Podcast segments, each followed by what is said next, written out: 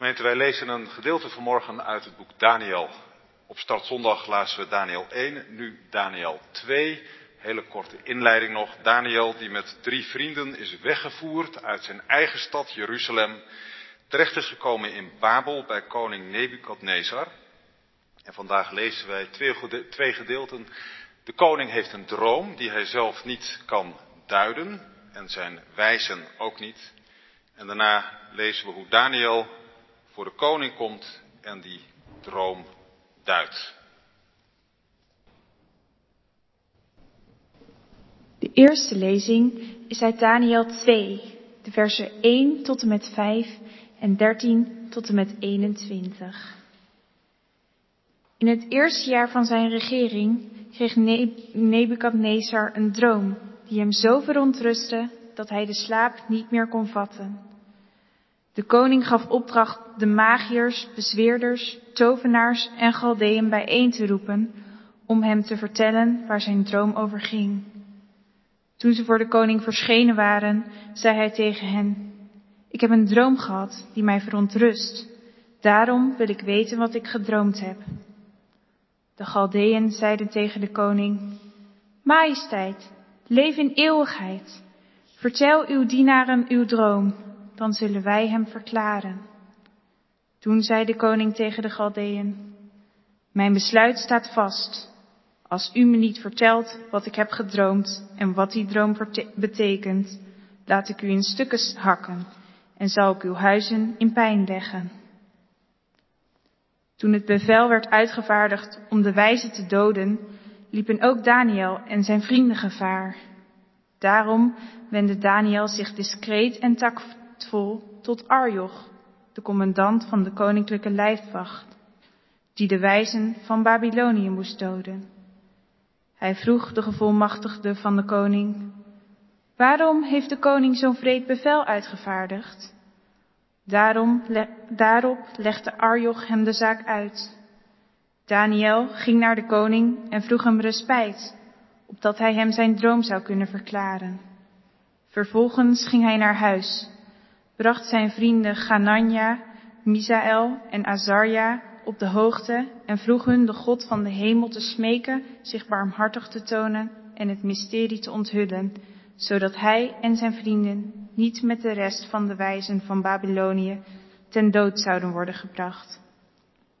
Het mysterie werd aan Daniel onthuld in een nachtelijk visioen. Daarop prees hij de God van de hemel. Hij zei, geprezen zij de naam van God, van eeuwigheid tot eeuwigheid, want hij bezit wijsheid en kracht. Hij verandert tijden en uren, hij zet koningen af, stelt koningen aan. Hij geeft de wijzen hun wijsheid en de verstandigen hun kennis.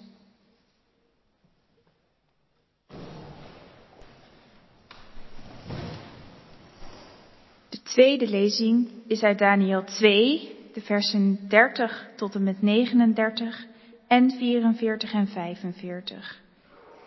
Dit mysterie is mij onthuld, niet door enige wijsheid die ik op anderen voor zou hebben, maar opdat ik de uitleg aan de koning zou overbrengen en u zou begrijpen wat er in uw hart omgaat. U, majesteit, hebt een visioen gehad. U zag een groot beeld. Dat beeld was reusachtig en bezat een prachtige glans. Het stond voor u en de aanblik ervan was afschrikwekkend. Het hoofd van het beeld was van zuiver goud. Zijn borst en armen waren van zilver zijn buik en lendenen van brons, zijn benen van ijzer, zijn voeten deels van ijzer, deels van leem. U zag hoe een steen losraakte, zonder dat er een mensenhand aan te pas kwam. Hoe de steen tegen de ijzeren en lemen voeten van het beeld sloeg en ze verbrijzelde. Op hetzelfde ogenblik verpulverden het ijzer, leem, brons, zilver en goud. Het werd als kaf op een dorsvloer in de zomer. De wind voerde het mee, totdat er geen spoor meer van te vinden was. Maar de steen die tegen het beeld was geslagen, werd een hoge berg die de hele aarde bedekte. Dit was uw droom, en nu zullen wij de koning zeggen wat hij betekent. U, majesteit, koningen der koningen, aan wie de God van de hemel het koningschap en macht en kracht en eer heeft verleend, aan wiens hand hij de mensen, de dieren van het veld en de vogels van de hemel heeft toevertrouwd, waar zij ook wonen, aan wie hij heerschappij heeft geschonken over allen. U bent dat hoofd van goud.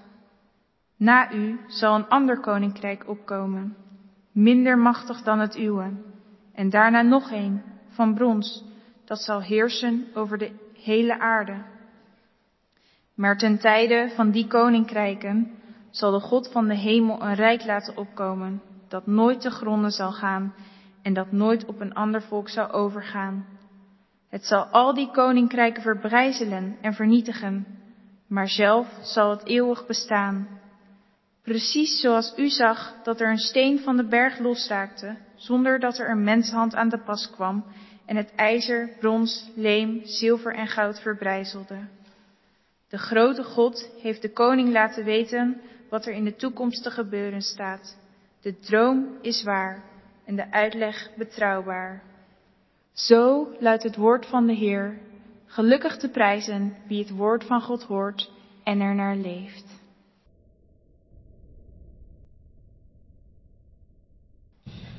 Gemeente van onze Heer Jezus Christus, in het bijzonder eh, de tieners van morgen. Het eh, Bijbelvers dat uit dat lange hoofdstuk dat we gelezen hebben ehm, vanmorgen richtinggevend is, dat is vers 30. Ik lees het nog een keer voor. Daniel die zegt tegen de koning, dit mysterie is mij onthuld, niet door enige wijsheid die ik op anderen voor zou hebben, maar opdat ik de uitleg aan de koning zou overbrengen en u zou begrijpen wat er in uw hart omgaat. Een fascinerend zinnetje, dat u zou begrijpen wat er in uw hart omgaat. Gemeente van onze Heer Jezus Christus. Is er een verschil tussen optimisme en hoop?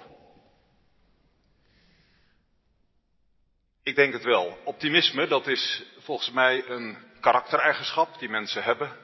Een zonnige uitkijk. Is vaak ook gebaseerd op de prognoses, om de feiten om je heen. Je zegt, nou, kijk eens hoe het gaat.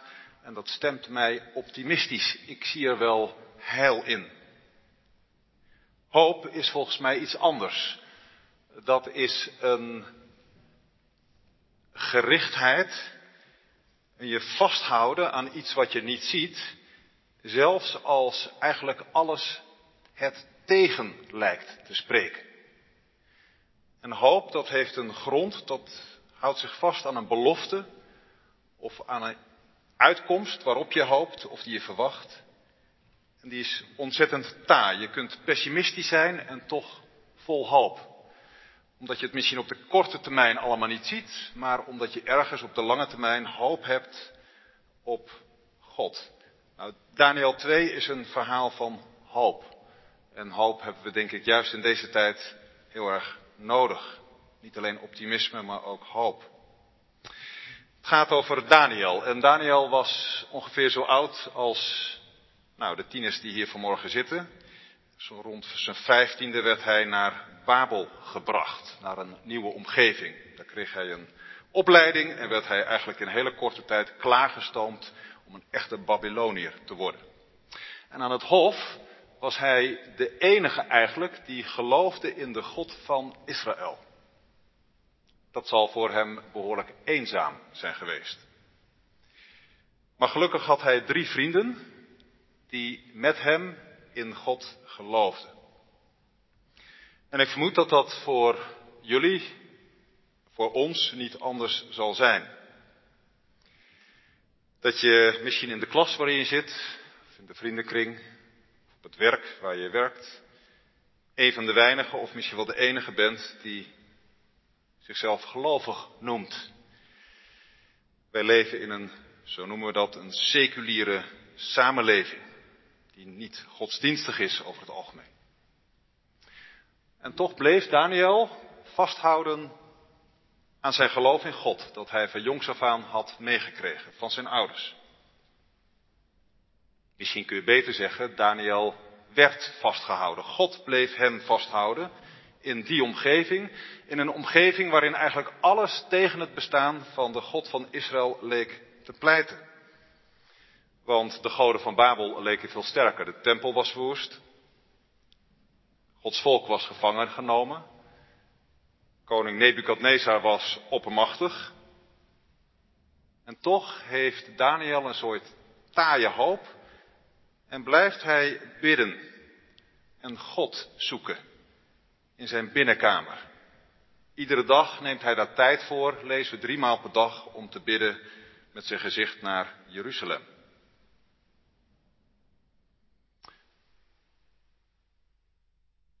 God geeft ons eigenlijk altijd mensen om samen Hem te zoeken. Het is maar een heel klein groepje, vier mensen.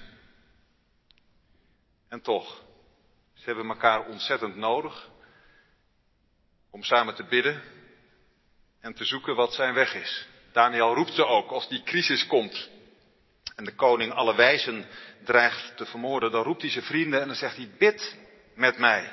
En dan gaan ze samen bidden.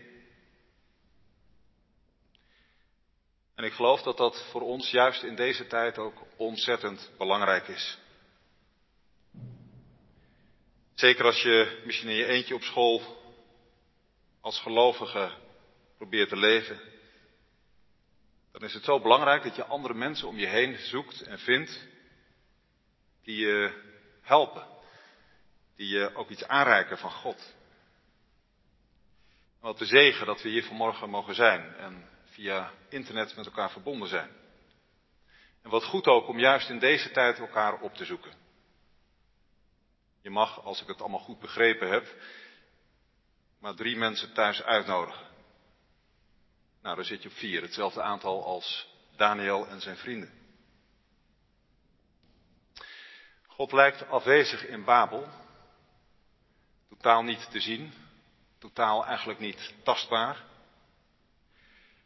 Maar hij is er wel.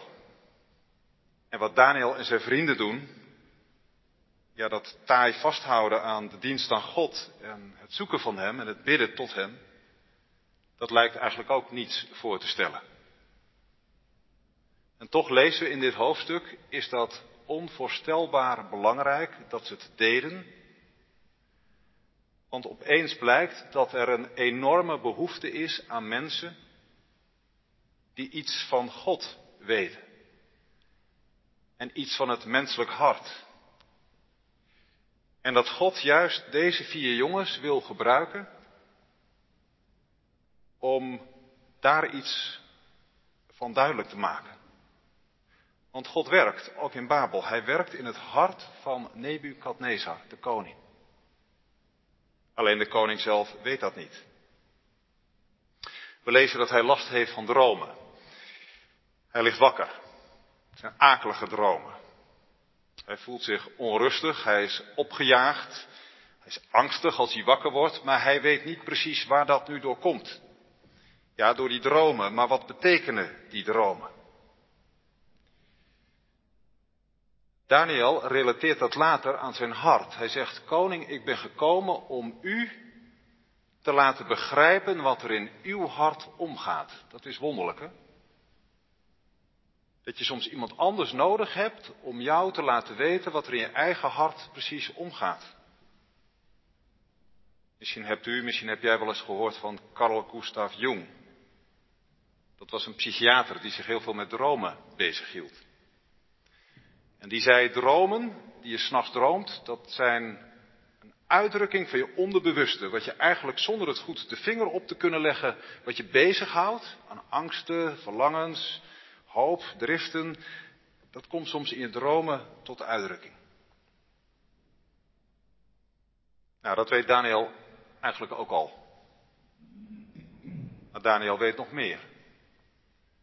God heeft deze koning iets te zeggen.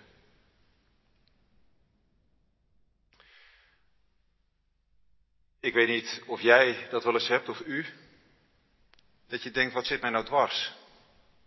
Het is onrustig. Ik krijg er de vinger niet op. dat je er eigenlijk niet echt bij kunt. En dat je soms ook afvraagt, wie ben ik nou eigenlijk? Wat schuilt er eigenlijk in mij, in de, in de hoeken van mijn hart? En daar kun je heel lang mee bezig zijn. Zeker als je jong bent, dat je denkt, ik moet eerst mezelf leren kennen. Wie ben ik nou eigenlijk? De zoektocht naar jezelf. Nou, die koning die laat al zijn deskundigen aanrukken. Al zijn specialisten, zijn consultants, zijn adviesteams, de waarzeggers, de magiërs, ze worden allemaal opgeroepen. Iedereen die er maar iets verstand van heeft, die roept hij voor zich. En dan, als ze allemaal voor hem staan, dan vertrouwt hij het eigenlijk toch niet. Want als je zo in je hart laat kijken, als je dromen openbaart, ja, dan word je ook kwetsbaar. Voor manipulatie of voor bedrog. Iemand kan je hart ook breken. En de koning is argwanend. Hij denkt, ze praten me naar de mond. Het zijn gewoon een stelletje jakknikkers. Of ze bedriegen me. Hoe weet ik of ze niet een spelletje met me spelen en staat mijn opvolger als een messen te slijpen in de coulissen om mij een dolk in de rug te steken? Stalin, die in de Tweede Wereldoorlog zijn hele legertop liet uitmoorden. Uit pure achterdocht. Misschien hebt u de film Der Untergang wel gezien, waarin uh, we een kijkje krijgen in de laatste dagen van het Duitse Rijk. Hitler neurotisch. En daaromheen al die adviseurs, die generaals. Het Rijk staat op instorten, maar niemand durft het hem te zeggen. En hij wil het zelf niet weten. Stelletje jakknikkers. Jullie bedriegen me. Wat is er in het hart van de koning? Wie kan het zeggen? En de koning zegt, ik eis dat jullie eerst mij de droom vertellen. Pas als jullie die droom aan mij kunnen uitleggen, dan heb ik er ook vertrouwen in dat jullie die droom kunnen duiden. Ja, en die, die geleerden die staan perplex, die zeggen, ja, dat kan gewoon niet, koning, met alle respect, maar dat gaat niet, dat kunnen alleen de goden doen. Maar ja, zeggen ze dan, de goden bemoeien zich niet met ons mensen. Dus u zult toch eerst echt die droom aan ons moeten vertellen, dan kunnen we er iets mee. Dat is wel bijzonder, hè? Dat dus dat hele geweldige rijk, dat, dat, dat Juda heeft veroverd en Daniel heeft meegevoerd. Met dit soort dingen staat het opeens met lege handen en is er een grens. Dat ervaren wij vandaag de dag natuurlijk ook. We kunnen onvoorstelbaar veel en we hebben ongelooflijk veel kennis als samenleving. En toch soms opeens staan we ook met lege handen. En dan weten we het niet. Het zegt ook iets over de goden die in Babel gediend worden. Daarvan gelooft men wel dat ze er zijn, alleen ze bemoeien zich niet met het leven op aarde. Uiteindelijk ben je als mens toch op jezelf aangewezen. En misschien heeft dat ons ook vandaag wel wat te zeggen, want er is aandacht voor allerlei vormen van spiritualiteit. Yoga, meditatie, rituelen. Ons onrustige hart zoekt rust op velelei plekken. En het werkt, je komt tot jezelf en tot je rust. Maar of dat nou uiteindelijk echt rust geeft? De theoloog Calvijn zegt, de echte zelfkennis ontvang je pas als je kennis hebt van God. Die twee hangen nauw met elkaar samen. Als je weet wie God is, dan krijg je ook een nieuw zicht op jezelf. Want Hij is je schepper. Hij heeft je geschapen. En ons hart is duister. Ons hart is eigenlijk ook verblind. En we weten niet of we onszelf een rad voor ogen draaien, iets inbeelden of dat het echt is. En daarom hebben we iemand nodig, hebben we God zelf nodig, die als het ware met een zaklamp in ons hart schijnt en het daar licht laat worden. Prachtig dat God met deze koning bezig is. Maar hij weet dat zelf nog niet. En hij heeft iemand nodig die dat kan uitleggen. En ik geloof en ik ben er vast van overtuigd dat God vandaag de dag met mensen bezig is. Dat hij werkt in harten. En dat hij mensen roept en mensen lokt. Dat heel veel mensen een soort onrust in zich hebben en op zoek zijn naar, als het ware, zichzelf of, of, of vervulling. Maar zijn er ook mensen die hen daarbij kunnen helpen of die als het ware zoals Daniel daar iets over kunnen zeggen? Wij hebben ongelooflijk veel kennis in onze samenleving, maar die kennis die is heel schaars geworden, kennis van God. En daarom is het zo ongelooflijk belangrijk dat er mensen zijn, u, die proberen God te leren kennen. En daar iets over kunnen zeggen tegen anderen. En Daniel zegt dan helemaal niet dat ik een bijzonder supermens ben, dat ik die wijsheid heb ontvangen. Nee, ik heb het gekregen. Ik heb het zelf ook maar ontvangen en ik geef het door. En zo kan hij op een beslissend moment een verlossend woord spreken. En dat is eigenlijk ook wel heel bijzonder. Dus Babel met al die macht. Ja, daar staat een overwonnen slaaf eigenlijk. Een Judese balling en daar moet de koning het dan uiteindelijk toch van hebben. Vandaag is het Israëlzondag. En eigenlijk is dat het verhaal van deze wereld. Dat, dat al die wereldrijken er zijn, maar dat God met een klein volkje, Israël, iets nieuws is begonnen. Dat hij zichzelf aan hen heeft geopenbaard. Hem die kennis heeft gegeven van wie hij is op de berg Sinaï, de Torah, de profeten. En dat dit volk zo steeds opnieuw gericht is op God. Althans, dat is haar roeping. En als ze aan die roeping beantwoordt, dan is dat tot heil voor heel de wereld. Dan klinkt er een verlossend woord. En op Israëlzondag gaat het er helemaal niet om dat wij het volk Israël bewieroken alsof ze onfeilbaar zijn. Maar dan beleiden wij dat door dit volk heen God werkte en nog steeds werkt.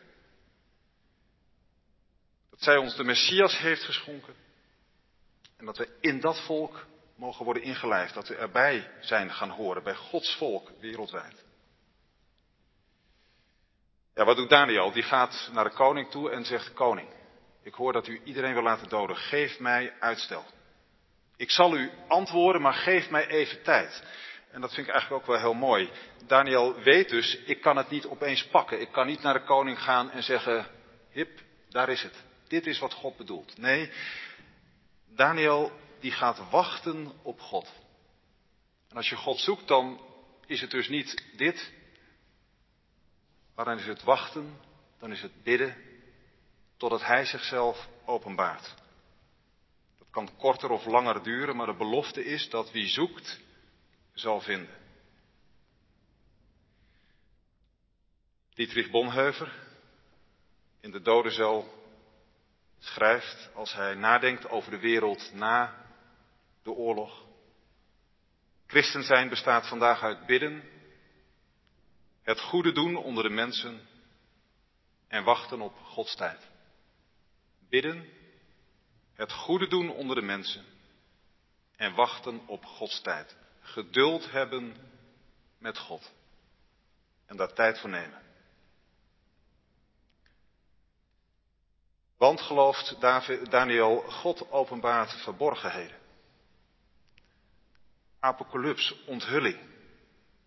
Hij schuift het scherm weg en dan krijg je zicht op wat er werkelijk gaande is. En die ballingen, of die, die, die, die Babylonische geleerden zeggen, ja, de goden verkeren natuurlijk niet bij de mensen, maar, maar hier is een God. En die komt eigenlijk in de gestalte van die Judese slaaf, die Judese balling, tot de koning. En laat zien dat die God dus wel degelijk zich met mensen bemoeit. Wat is er in uw hart, koning? Laat mij helpen u dat te begrijpen. En wat is er in het hart van de koning? Wat droomt hij? Hij ziet een prachtig beeld. Imposant, hoog, bijzonder, excellent.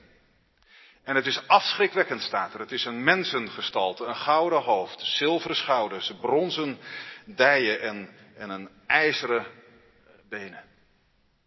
Je zou kunnen zeggen dat is de mens in al zijn kracht en in al zijn zelfverheffing die zich opricht boven alles. De ubermens zou je het haast kunnen noemen. Die helemaal niemand nodig heeft. God al helemaal niet. Dat is de droom en tegelijkertijd de angst. Dit gaat voorbij. En wat ziet de koning dan in zijn droom? Dat er een steentje losraakt. Dat komt van de berg afrollen. En dat slaat dat hele beeld van zijn sokkel. En dat hele beeld stort in elkaar als kaf voor de wind gaat het weg. En er komt een nieuw koninkrijk dat de hele wereld bedekt. Wat is er in je hart, koning? Dat is het verlangen om groot te zijn, om te groeien. Wat stelt de Bijbel er tegenover?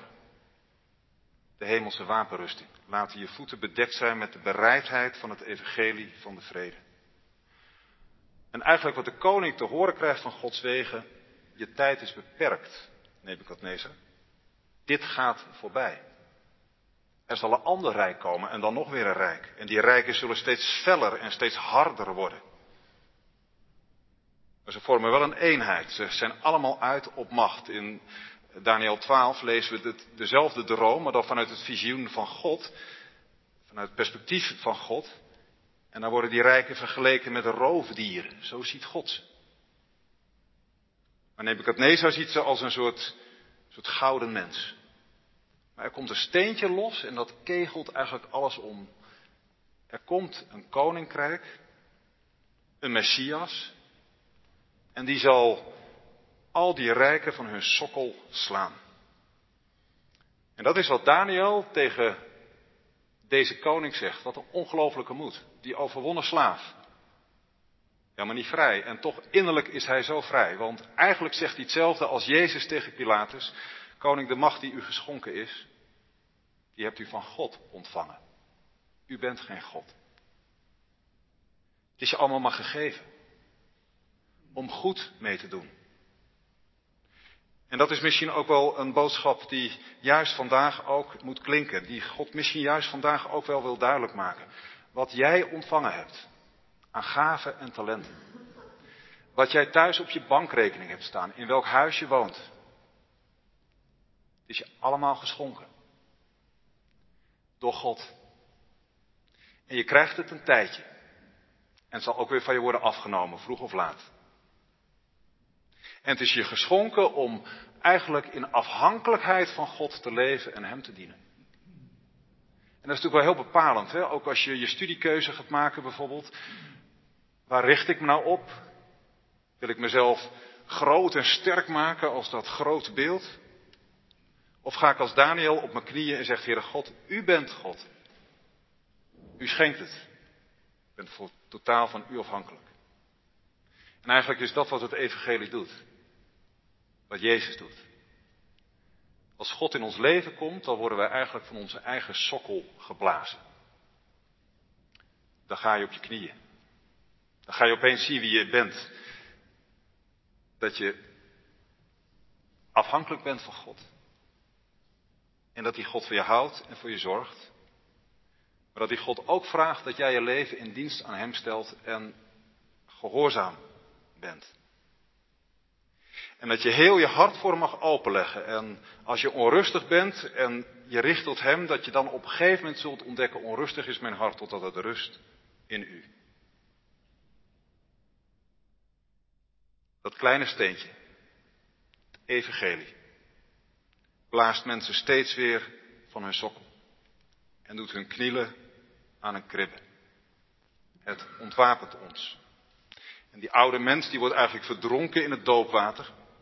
En een nieuwe mens mag daaruit opstaan, die leeft in overgave aan God. Dat geeft hoop, want Daniel ziet achter deze koning, die mij knecht, staat God. Achter de coronacrisis, daarboven staat God. Boven datgene wat mij nu knecht in mijn leven en me klein houdt en neerdrukt, daarboven staat God. En het zijn tijden die we beleven, maar ze gaan voorbij. Maar wat blijft is dat koninkrijk van Hem. dat geeft hoop. En ik zei al, dat is iets anders dan optimisme. Hij ontwapent de machten waarmee wij nu nog worstelen. Paulus zegt in 2 Korinthe 4, de God die gesproken heeft, licht schijnen uit het duister, heeft het in ons hart doen schijnen om ons te verlichten met het evangelie van Jezus Christus. Is Pasen geworden. Gods licht is onweerstaanbaar doorgebroken. En het wil in ons hart schijnen. En daarom iedere dag opnieuw open je voor dat licht. Begin de dag met gebed. Zoek Hem. En al die dingen die je angst aanjagen, kijk ze in de ogen en zegt, jou is macht gegeven, maar alleen omdat God dat geeft. Hij staat erboven. Zo is Daniel in zijn omgeving al biddend een wegwijzer geworden voor de koning van Babel. Dat hele kleine restje van Israël dat overbleef. Daaruit is God weer iets nieuws begonnen. Dat is mooi. Dat kleine restje van de kerk dat is overgebleven. En het lijkt allemaal zo kwetsbaar. God gaat er mee door. Hij begint iets nieuws. Lof zij u Christus in de eeuwen der eeuwen. Amen.